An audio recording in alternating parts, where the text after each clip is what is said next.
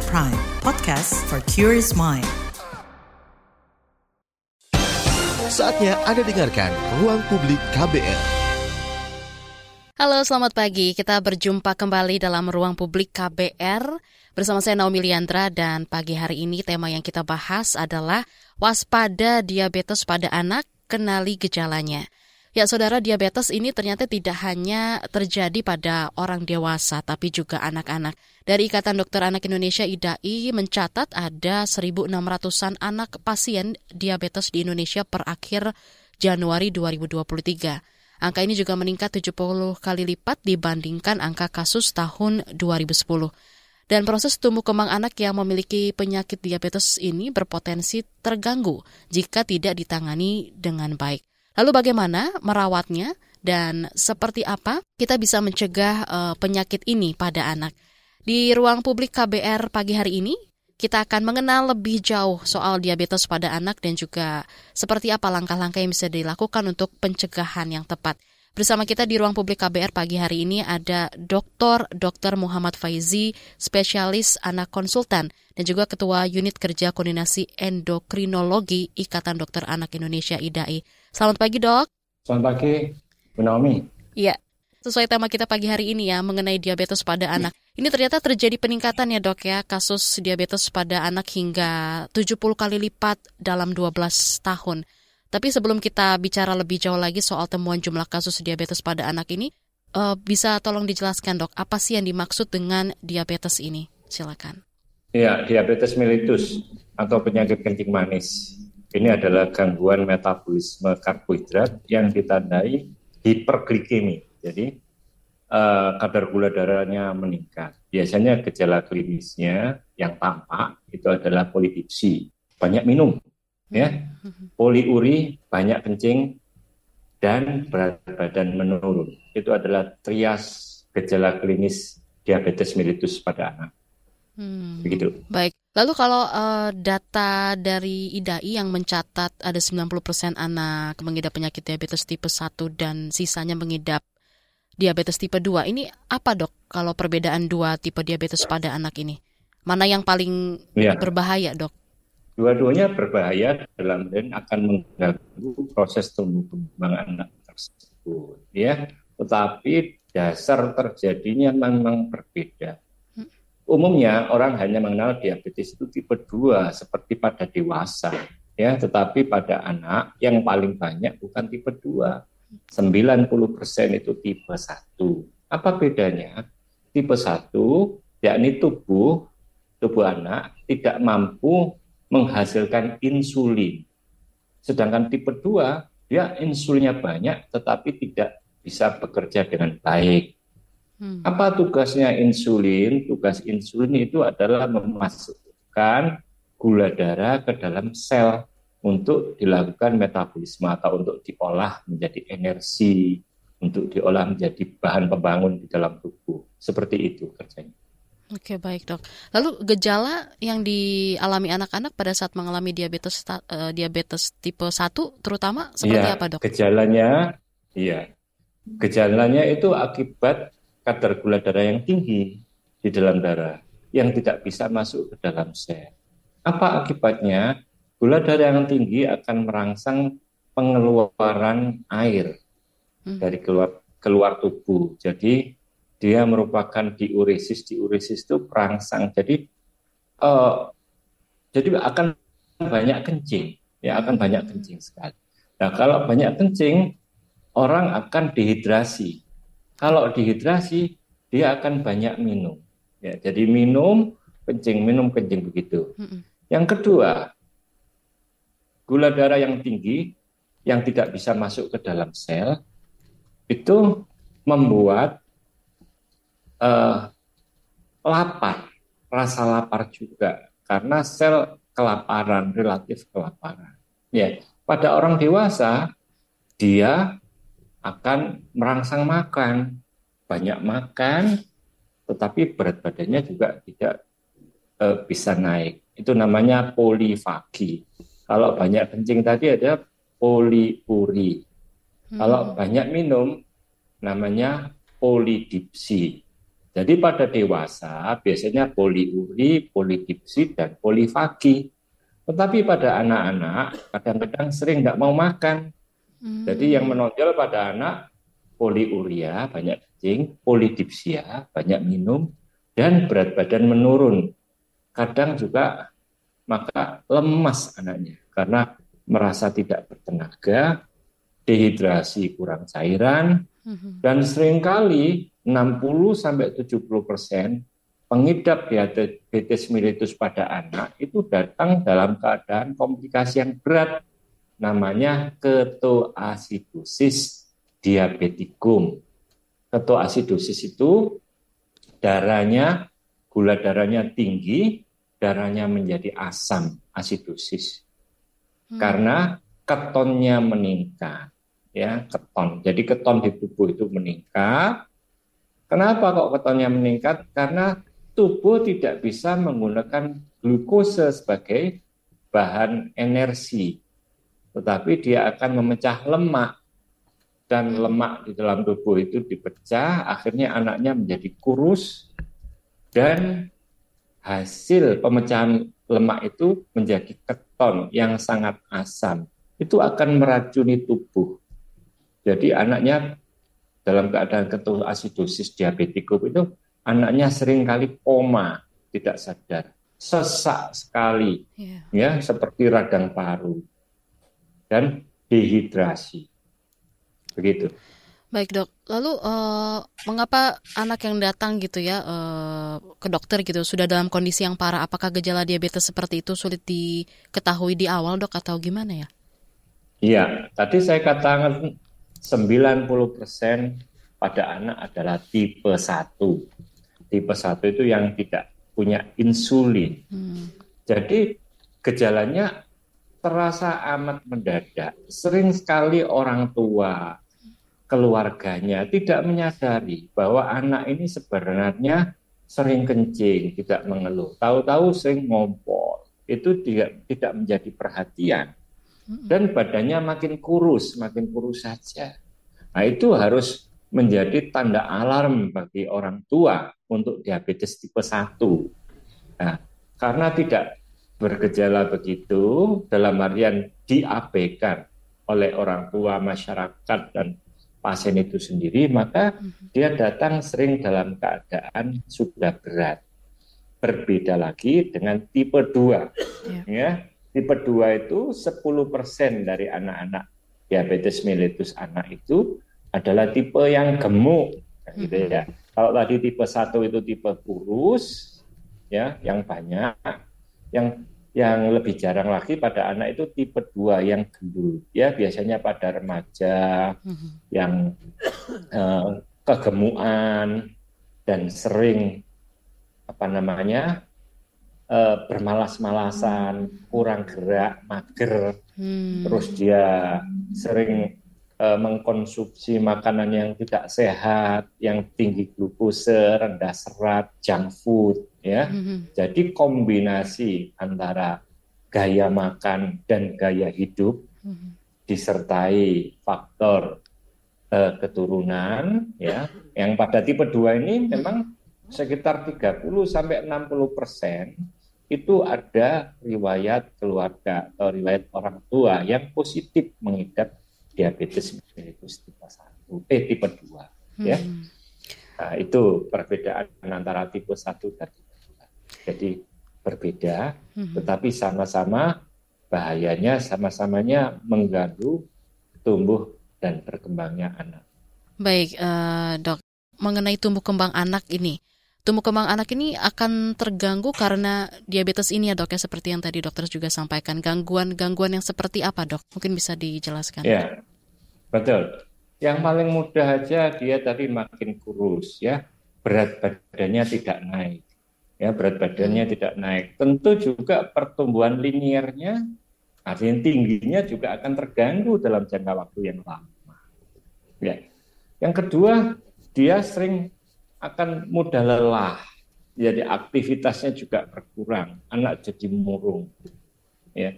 Ini kalau tanpa komplikasi aja dia sudah eh, terjadi gangguan perkembangannya ya. Hmm. Eh, pasti pelajarannya juga uh, turun juga ya prestasi belajarnya. Yeah. Banyak bolos juga.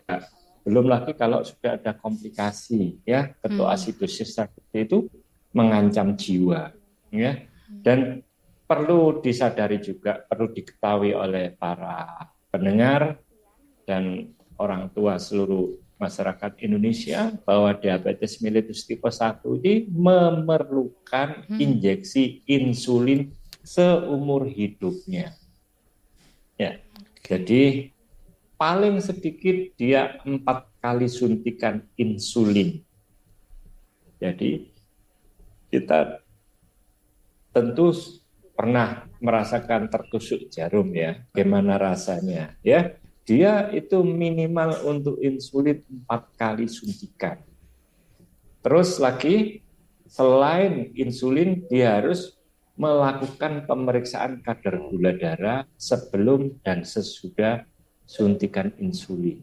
Hmm. Rekomendasi organisasi kita IDAI itu enam kali minimal sampai 10 kali dan juga itu rekomendasi organisasi uh, I, uh, apa namanya IDF yeah. International Diabetic Foundation itu juga merekomendasi 6 sampai 10 kali pemeriksaan kadar gula darah. Karena apa? Karena kita harus memberikan insulin seperti kondisi alamiahnya. Mm-hmm. Ya supaya mencapai kadar gula darah senormal mungkin.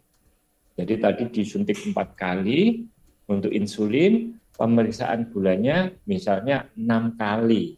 Jadi sepuluh kali suntikan sehari. Mhm. Dan itu membuat anak pasti stres, depresi. Ya, jadi ini dampak ke arah tumbuh kembangnya tadi. Perubahan perilaku anaknya biasa ceria menjadi murung ya kadang-kadang kalau tidak dibantu dengan support group yang baik dia putus asa. Ada yang menyadari uh, sudah remaja menyadari bahwa insulin itu kalau disuntik dan tidak makan dia bisa hipoglikemi dia ada yang percobaan bunuh diri dengan insulin baik. ya nah, begitu baik dok itu contoh-contoh uh, dari pengaruhnya terhadap tumbuh kembang anak kita akan kembali setelah pesan-pesan berikut ini tetaplah di Ruang Publik KBR. Masih Anda dengarkan Ruang Publik KBR.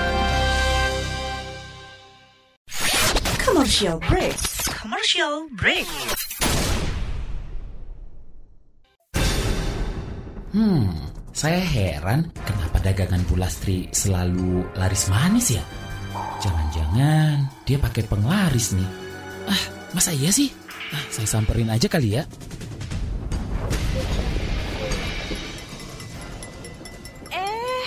Bayu, gimana Pak? Udah makan siang belum? Iya Bu Lastri, belum nih. Saya lihat dagangan Bu Lastri laris terus. Bu Lastri pakai penglaris ya? Memang betul Pak, saya pakai penglaris. Wah, Bu Lastri, saya dibagi dong penglarisnya. Boleh dong Pak. Nih Pak Bayu, silahkan dipakai maskernya. Hah? Masker? Betul Pak Bayu, masker ini yang membuat dagangan saya laris manis sekarang. Karena pembeli merasa aman beli kue-kue saya. Selain itu juga melindungi saya terpapar virus. Karena kan kita ketemu banyak orang. Dan saya juga nggak pernah lepas sekalipun selama berjualan. Dicoba deh Pak Bayu. Laris dagangannya, lari virusnya Pesan layanan masyarakat ini dipersembahkan KBR, inspiratif, terpercaya. Masih Anda dengarkan Ruang Publik KBR. Anda masih menyimak ruang publik KBR dengan tema kita di pagi hari ini waspada diabetes pada anak dan kenali gejalanya. Masih bersama dengan narasumber kita, Dr. Dr. Faizi. Sudah tersambung dengan uh, Bapak Rian yang ada di Sulawesi namun sudah uh, terdata pertanyaannya melalui off air. Begini dok, pertanyaan dari Pak Rian di Sulawesi adalah apakah diabetes pada anak akan mempengaruhi organ tubuh lain seperti mata? Bisa dijelaskan terlebih dahulu dok, silakan. Ya, sebagaimana juga diabetes mellitus pada dewasa, pada anak pun juga akan mempunyai komplikasi, artinya perjalanan lanjut apabila gula darahnya tidak terkontrol dengan baik. Ke mana saja komplikasinya? Ke semua organ, tidak hanya mata. Ginjal juga demikian. Kardiovaskuler jantung juga demikian. Sistem syaraf pusat, sistem syaraf perifer juga demikian. Jadi sebagaimana juga yang masyarakat awam sudah kita ketahui ke komplikasi pada diabetes di dewasa itu juga bisa terjadi pada anak. Dan tentu karena dia masa anak, dia masa menderitanya apabila mengalami iya. komplikasi makin panjang. Ya. Kalau dewasa kan sebentar aja, maaf ya. Hmm. Gitu. Kalau pada anak tentu masa mudanya akan dilalui dengan komplikasi yang sudah terjadi. Baik. Gitu jawabannya. Baik dok, kemudian ada penelpon berikutnya kita coba angkat dulu. Ada Pak Yaya di Muaro Jambi. Selamat pagi Pak Yaya. Selamat pagi Mbak. Ya, silakan ya, dengan pertanyaannya. Silakan.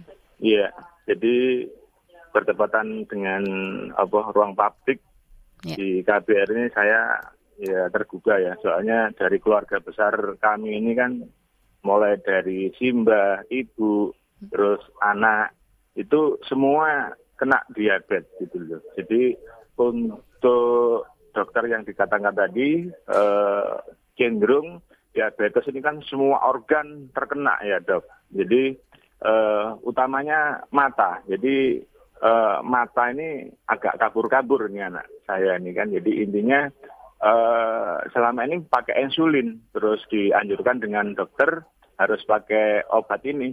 Jadi dari obat yang selama ini dokter berikan itu dosisnya sangat tinggi dok. Jadi e, kata anak saya ini kan apa ke telinga ya. Jadi dosisnya itu 500 dok. Jadi e, untuk menghindari dari obat yang diresepin sama dokter ya tentang diabetes ini, bagaimana e, alternatif lain dok untuk bisa apa ya tidak uh, mengonsumsi obat. Demikian dokter. Baik, terima kasih Pak Yaya atas pertanyaannya. Seperti apa nih uh, tanggapannya dok? Silakan. Terima kasih Pak Yaya. Saya ikut prihatin dengan yang uh, menimpa keluarga Pak Yaya bahwa semua keluarga mengalami diabetes mellitus. Ini tentu ini berarti bentuk lain, bentuk yang monogenik ya. Hmm. Jadi ada tipe-tipe tadi tipe 1, tipe 2. Yeah. Tipe monogenik ini biasanya memang diturunkan ya, hmm. diturunkan pada keluarga. Dan ini eh, berbeda dengan tipe 1 dan tipe 2 ini bisa menggunakan dua jenis pengobatan yakni insulin dan obat minum. Biasanya begitu memang. Hmm. Ya. Dan perlu kita pahami bahwa komplikasi diabetes mellitus itu ter, sangat terkait dengan kendali metabolik. Apa kendali metabolik itu? Kadar gula darah hariannya. Semakin kadar gula darah bisa dikendalikan mendekati kadar normal, maka komplikasi jangka panjang maupun jangka pendek akan bisa dihindari ya akan hmm. bisa diperkecil risikonya Ya, komplikasi jangka panjang itu seperti tadi yang dibicarakan ke mata, ke ginjal, nanti cuci darah juga ya. Saya doakan mudah-mudahan tidak terjadi pada keluarganya Pak Yaya dan semakin kecil komplikasinya. Ya, itu memang harus tight control metabolik. Jadi harus ketat kendali metaboliknya. Caranya bagaimana? Ya insulinnya tetap diberikan sesuai rekomendasi. Ya, jadi biasanya pasien-pasien yang lama begini kita ajarkan juga bagaimana adjustment insulin. Jadi mengatur tinggi rendahnya insulin. Terus kita juga berikan obat-obatan juga untuk yang tipe monogenik ini, yang tipe yang diturunkan banyak keluarga itu. Jadi itu memang harus harus kontrol ketat pada dokter yang menanganinya ya nah, hasilnya komplikasi terjadi atau tidak tentu juga sangat tergantung bagaimana keberhasilan kita individu keluarganya itu menerapkan pola hidup sehat pemberian obat yang teratur ya eh, pengaturan diet, dan juga monitoring mandirinya ini. Jadi memang ada lima pilar uh, manajemen diabetes pada anak itu ya. Hmm. Yang pertama adalah insulin atau obat ya. Yang kedua daily activity ya olahraga, hmm. uh, kegiatan harian. Yang ketiga adalah uh, diet ya, pengaturan makanan hmm. ya. Yang keempat adalah monitoring mandiri. Okay. Karena tubuh kita kehilangan kemampuan mengendalikan harus dilakukan monitoring mandiri makanya harus punya glukometer atau alat pengukur pengukur kadar kadar gula darah itu harus punya penderita diabetes mellitus pada anak ini. Yang kelima adalah edukasi. Edukasi itu pasien keluarga harus mengerti bagaimana menurunkan menaikkan insulin, hmm. uh, mengganti makanan, uh, memilih makanan pengganti dan sebagainya dan sebagainya tentang pendidikan ini memang berlangsung lifelong hmm. dan uh, obat-obatan atau insulin itu berlangsung lifelong. Baik. Jadi begitu kira-kira Pak Yaya. Baik Pak uh, Yaya, mudah-mudahan terjawab apa pertanyaan yang tadi sudah disampaikan sudah dijawab oleh Dr. Faizi. Kemudian kita lanjut lagi ya Dok, ada dari uh, komentar di YouTube yang masuk dari Mas Doniel. Dok, cara pencegahan paling sederhana diabetes pada anak seperti apa? Sedangkan umur anak-anak biasanya suka makanan yang manis. Kemudian juga ada pertanyaan lanjutan dari Pak Rian di Sulawesi soal makanan instan bisa sebabkan diabetes. Seperti apa nih dokter tanggapan Anda? Ya, saya jawab dua-duanya langsung, ya, Pak Rian dan Pak Bapak terima kasih. Jadi harus dipahami, diabetes tipe 1 tidak bisa dicegah. Ya, karena dia kekurangan insulin dan gejalanya subtle tidak begitu nampak ya. Karena jika juga tidak diturunkan secara Mendelian nanti langsung jadi susah orang tuanya diabetes tipe 1, anaknya eh, diabetes eh, tipe 1 juga ya hanya kemungkinan resiko. Berbeda dengan tipe 2 yang memang ada faktor keturunan 30 sampai 60 persen tergantung kalau satu orang tua 30 persen nanti anaknya eh, mengalami diabetes tipe 2 juga. Kalau dua orang tuanya mengalami diabetes tipe 2, anaknya kemungkinan 60 sampai 80 persen hmm. akan mengalami diabetes tipe 2. Tetapi pada umur yang berikutnya, bukan masa anak-anak mestinya, bisa hmm. muncul ya.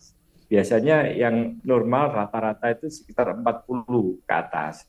Tetapi kalau bakat ini ya faktor genetiknya ini ada, hmm. terus pola makannya tidak sehat, pola hidupnya, aktivitasnya, sedentary lifestyle, males gerak, terus dia juga uh, konsumsi junk food yang tidak sehat tadi. Jadi ada tiga faktor, faktor keturunan, pola makan dan pola hidup, maka risiko terjadinya diabetes mellitus itu akan semakin dipercepat. Hmm. Ya, harusnya rata-rata usia 40 ke atas dia bisa lebih mudah usia pubertas dia mengalami diabetes mellitus juga ya karena faktornya dipermudah tadi. Jadi mencegahnya kita bisa memodifikasi pola makan mm-hmm. dan pola aktivitasnya. Begitu kira-kira. Baik, terima kasih banyak dokter dan banyak sekali ini pertanyaan-pertanyaan yang belum bisa kita tanyakan ke dokter langsung terkait diabetes pada anak karena keterbatasan waktu. Semoga nanti uh, ke depannya ada kesempatan lagi ya dok ya kita bisa berbincang-bincang lagi. Dan terima kasih sekali lagi untuk Dr. Dr. Muhammad Faizi, Ketua Unit Kerja Koordinasi Endokrinologi IDAI yang juga sudah bergabung di ruang publik KBR. Dan nanti kita akan kembali lagi bersama dengan uh, Dr. Dr. Tan Sotian, ahli gizi masyarakat. Tetaplah di ruang publik KBR. Masih Anda dengarkan ruang publik KBR. Yuk follow social media KBR. Twitter at Berita KBR, Instagram at KBR.id, Youtube Berita KBR. Masih Anda dengarkan Ruang Publik KBR. Ya, kembali lagi di ruang publik KBR pagi hari ini. Tema kita adalah waspada diabetes pada anak dan kenali gejalanya. Saat ini kita sudah bersama dengan Dr. Dr. Tan Sotyan, ahli gizi masyarakat. Selamat pagi, Dok. Selamat pagi, Mbak Naomi. Apa kabar? Sehat, dokter juga ya? Siap, siap. Alhamdulillah. Iya, terima kasih sudah hadir di ruang publik KBR pagi hari ini. Nah, dok, eh, kita eh, langsung saja eh, mengenai tema kita pagi hari ini. Sebelumnya IDAI mencatat angka anak dengan diabetes itu meningkat 70 kali lipat tahun ini. Bagaimana nih dok uh, cara uh, mencegah supaya anak-anak ini tidak diabetes? Ya, jadi yang pertama uh, saya ingin mengapresiasi juga dari Ikatan Dokter Anak Indonesia yang telah melakukan suatu pendataan yang bagus banget. Jadi kita jangan berpikir bahwa wow kalau gitu sekarang anak-anak yang diabetes banyak ya. Hmm. Sebab kalau aku berpikir ada kemungkinan nih karena pencatatannya makin bagus gitu loh ya. Jadi sebetulnya dulu sih ada. Cuman karena ya begitulah nggak dicatat statistiknya amburadul. Hmm. Nah sekarang baru ketahuan lah ternyata anak-anak yang diabetes banyak juga ya gitu loh ya. Hmm. Jadi bukan berarti belakangan ini saja angkanya meningkat. Tapi karena pendataannya mulai baik. Jadi kita makin terang benderang nih apa yang terjadi di kalangan anak-anak ya. Hmm. Nomor satu yang saya ingin uh, apa namanya uh, garis bawahi adalah ini terkait dengan masalah uh, asupan gizi dan informasi yang bersifat edukasi di masyarakat. Yang menjadi problem adalah kalau Anda perhatikan ibu-ibu muda kita nih, kalau dipertanyakan nih, mereka siap gak sih jadi mama? Enggak, ya. Karena apa? Panduannya pas gitu ya, iya. bukan panduan buku KIA. Saya selalu menegaskan sebagai ahli gizi masyarakat bahwa ibu-ibu, bapak-bapak, kita tuh sekarang punya panduan nasional loh dari dulu, dari zaman saya masih jadi dokter muda gitu loh. Kita udah punya yang namanya panduan uh, nasional. Hmm. Namanya buku KIA, buku yang pink tuh, yang yeah. kalau ke mana-mana di posyandu selalu dibawa. Nah, Betul. tapi sayangnya kadang-kadang bukunya cuma dipakai buat kipas-kipas ya. Yang ngisi uh, kadernya, kadang-kala kadernya juga usil. Bukunya dikumpulin tuh, ibu-ibunya jadi nggak bawa pulang bukunya, katanya takut hilang. Ya, hmm. Ya akhirnya ibunya nggak belajar dari buku KIA. Hmm. Nah di buku KIA tuh jelas banget step by step bahkan hampir tiap tahun itu direvisi. Jadi kita tahu banget bahwa bayi ceprot sampai usia 6 bulan gak usah diutak-atik ASI eksklusif. Kalau hmm. ada kendala cari konselor laktasi. Jadi nggak ada cerita yang namanya asinya seret lah apa segala macam nggak ada cerita. Hmm. Bisa jadi karena perlekatannya tidak beres, ibunya tidak memahami manajemen laktasi ya. Jadi nggak usah belok-belok tuh susu formula apa segala macam nggak. Nah begitu enam bulan maka asinya harus mendapat uh, makanan tambahan namanya makanan pendamping asi bukan pengganti asi ya jadi makanan pengganti ASI. Nah, bagaimana MPASI juga dibuat dengan cara yang benar. Semua ada panduannya di buku KIA.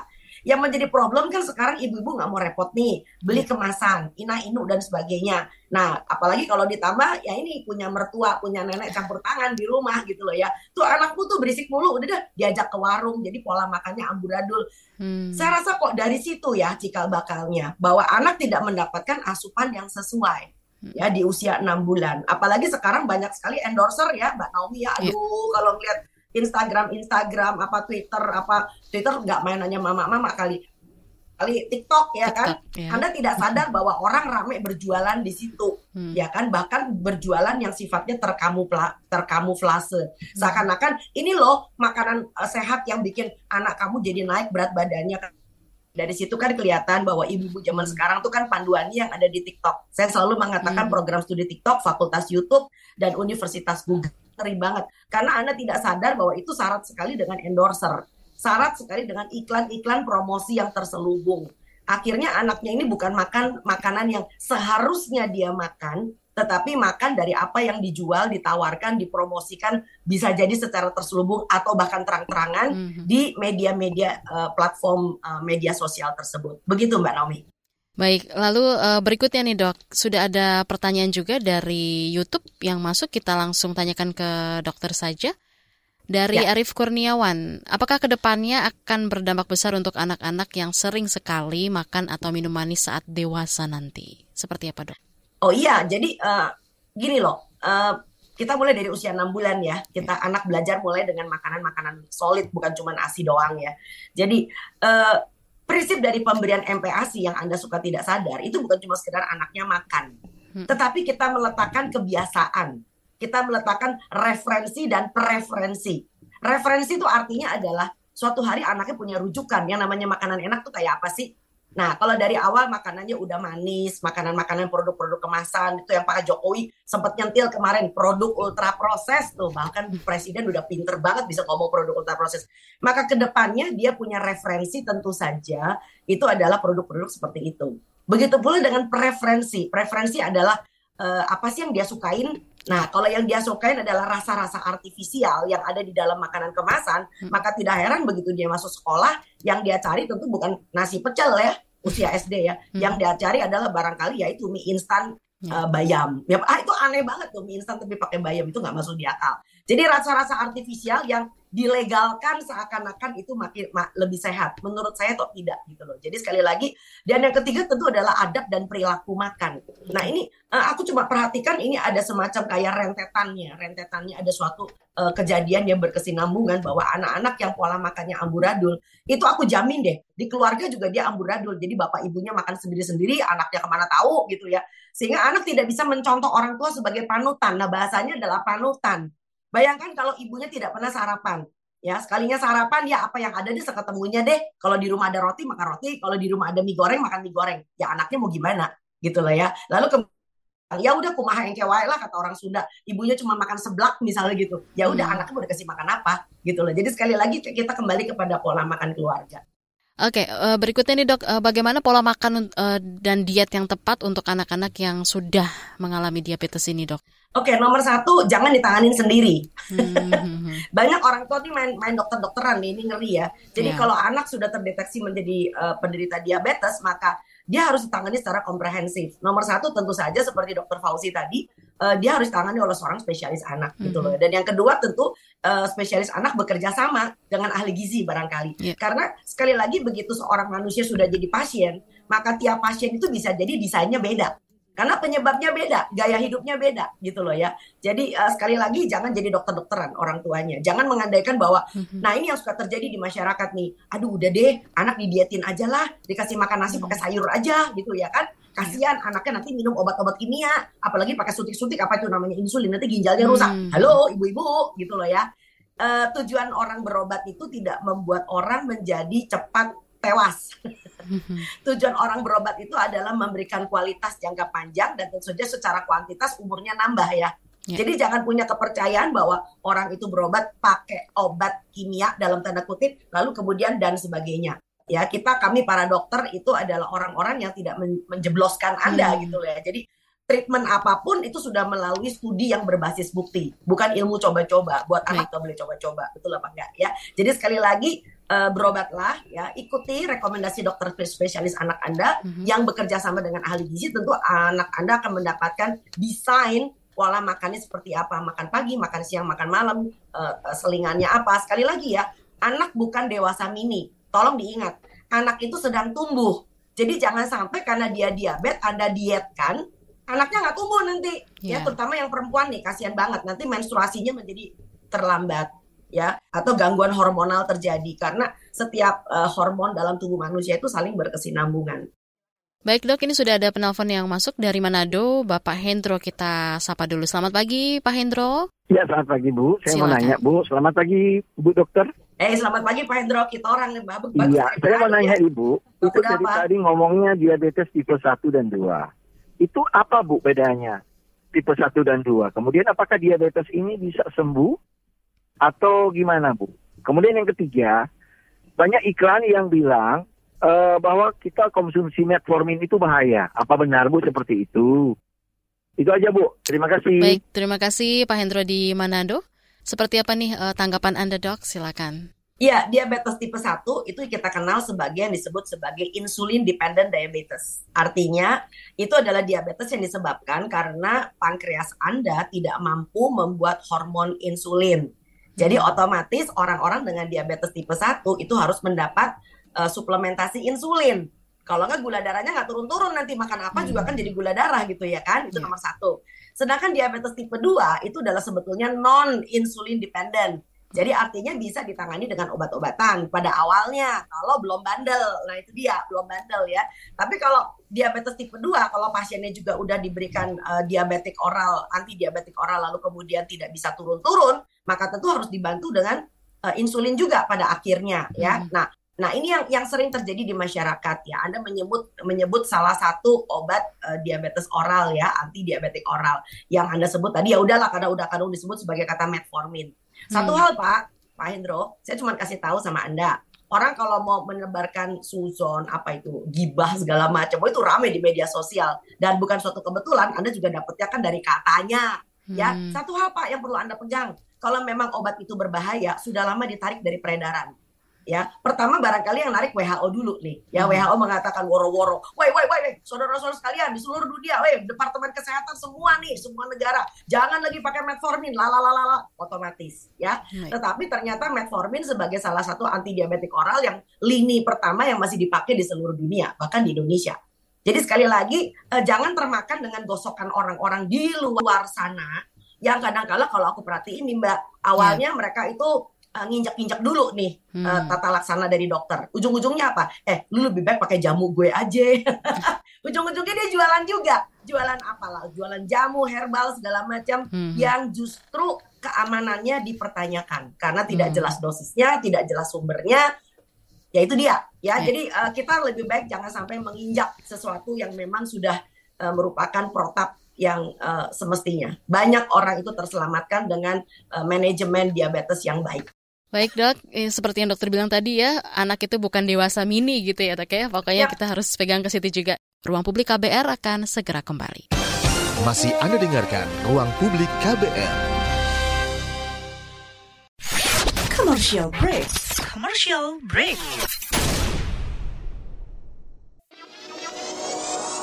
Kepolisian Aceh menetapkan seorang PNS berinisial KA sebagai tersangka penyebar hoax. Beralih ke informasi lain, Saudara, Mabes Polri mencatat ada puluhan ribu hoax dan ujaran kebencian selama Januari. Kepolisian menetapkan sembilan tersangka dugaan ujaran kebencian dan hoax. Menteri Dalam Negeri Cahyokumolo meminta masyarakat untuk aktif mencegah para pendukung pasangan Capres dan Cawapres menyebarkan hoax atau ujaran kebencian menjelang pemilu. Jangan asal sebar informasi ya. Informasi hoax saat ini semakin banyak dan beragam. Waspada dan kenali cirinya. Informasi hoax biasanya disebar melalui aplikasi chatting dan berasal dari media yang tidak kredibel, mengandung kalimat-kalimat provokatif atau paranoid supaya terkesan genting. Dan biasanya pihak yang membuat informasi hoax meminta info tersebut disebarluaskan semasif mungkin. Ayo lawan hoax. Gunakan sosial media dengan bijak. Cek kebenaran sebelum menyebarkan. Pesan layanan masyarakat ini dipersembahkan KBR, inspiratif, terpercaya. Masih Anda dengarkan Ruang Publik KBR. Masih bersama dengan Dr. Tan. Dok, ini sudah ada pesan singkat WhatsApp yang masuk. Kita baca dulu ya dok ya. Ada dari Salsa di Jakarta. Kalau untuk anak balita, makanan apa dok yang paling tepat untuk mereka supaya gizinya baik dan tidak diabetes? Silakan dokter. Oke, nomor satu yang paling penting adalah yang bikin anak diabetes itu kerap kali jajanan. Ya, hmm. jadi kalau makanan utama itu biasanya enggak ya. Apalagi kalau makanan utama berasal dari menu keluarga. Jadi sekali lagi untuk anak-anak yang masih balita pun kita membutuhkan uh, sumber tenaga yaitu karbohidrat ya. Mm-hmm. Dan karbohidrat itu di tanah air kita tuh kaya banget gitu loh ya. Jadi nggak cuma beras, nggak cuma nasi, yeah. kita punya ubi, singkong, kentang, jagung, tales, si apa bahkan papeda ya kalau di Indonesia Timur ya. Hmm. Jadi usahakan makanan pokoknya aja jangan usahakan bukan produk uh, apa namanya ultra proses. Yeah. Ya, ultra proses itu yang merajai ini sekarang yang berisiko menggantikan. Nah, ini beri garis bawah. Makanan ultra proses itu berisiko menggantikan ya. Apa sih makanan ultra proses? Salah hmm. satunya adalah mie ya.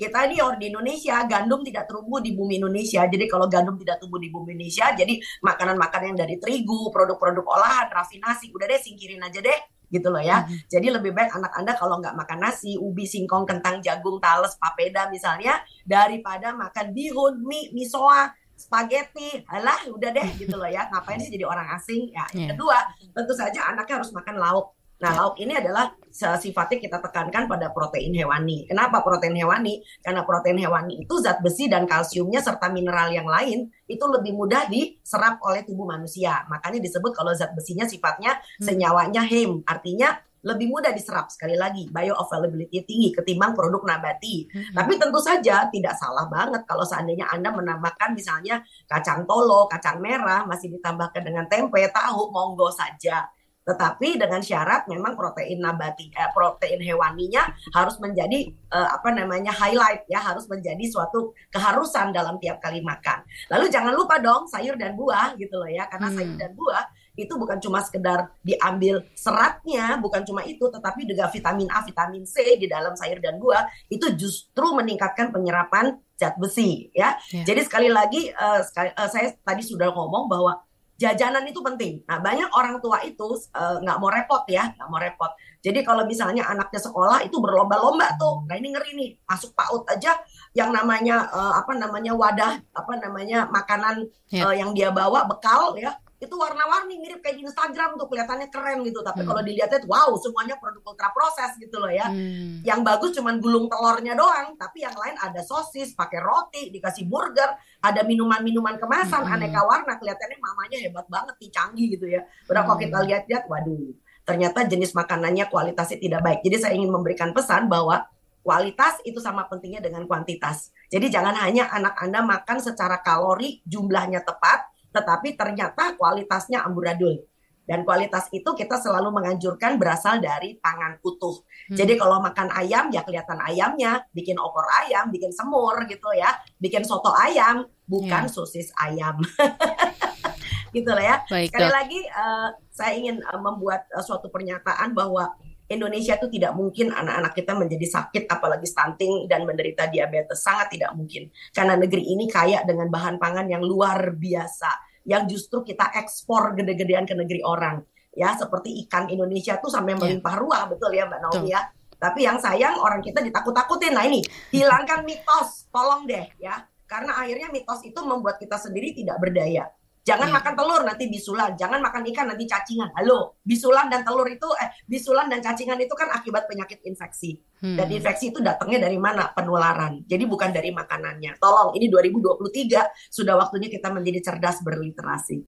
Baik dok, ini uh, berkaitan soal makanan dan juga minuman gitu ya. Belum lama ini ada orang tua yang juga sempat ditegur oleh Presiden Jokowi ya uh, waktu itu. Anaknya di, uh, diberikan kopi gitu dok dan juga susu kental manis untuk dikonsumsi. Padahal ini kan jelas-jelas bisa berdampak pada kesehatan anak dan juga bisa menyebabkan diabetes dan juga obesitas. Ini bagaimana menurut Anda, uh, pandangan Anda mengenai hal ini dok? Oke, kalau kita berangkatnya dari media sosial, saya agak mencurigai bahwa itu cuma sekedar buat bikin konten sih Orang Indonesia tuh kerap kali bikin konten supaya menarik perhatian masyarakat. Dan kalau Anda merujuk pada berita yang kemarin itu bulan lalu, hmm. saya mengatakan bahwa itu memang beneran 100% konten karena ibunya ngaku. Sebab dengan dia bikin huru hara begitu, maka dia berharap akan dibayar oleh TikTok. itu celaka ya, hmm. ya, bagaimana kita mengorbankan anak, mengorbankan uh, nama baik, yaitu nama yeah. baik loh, demi mendapatkan uang dari platform. Oke, okay.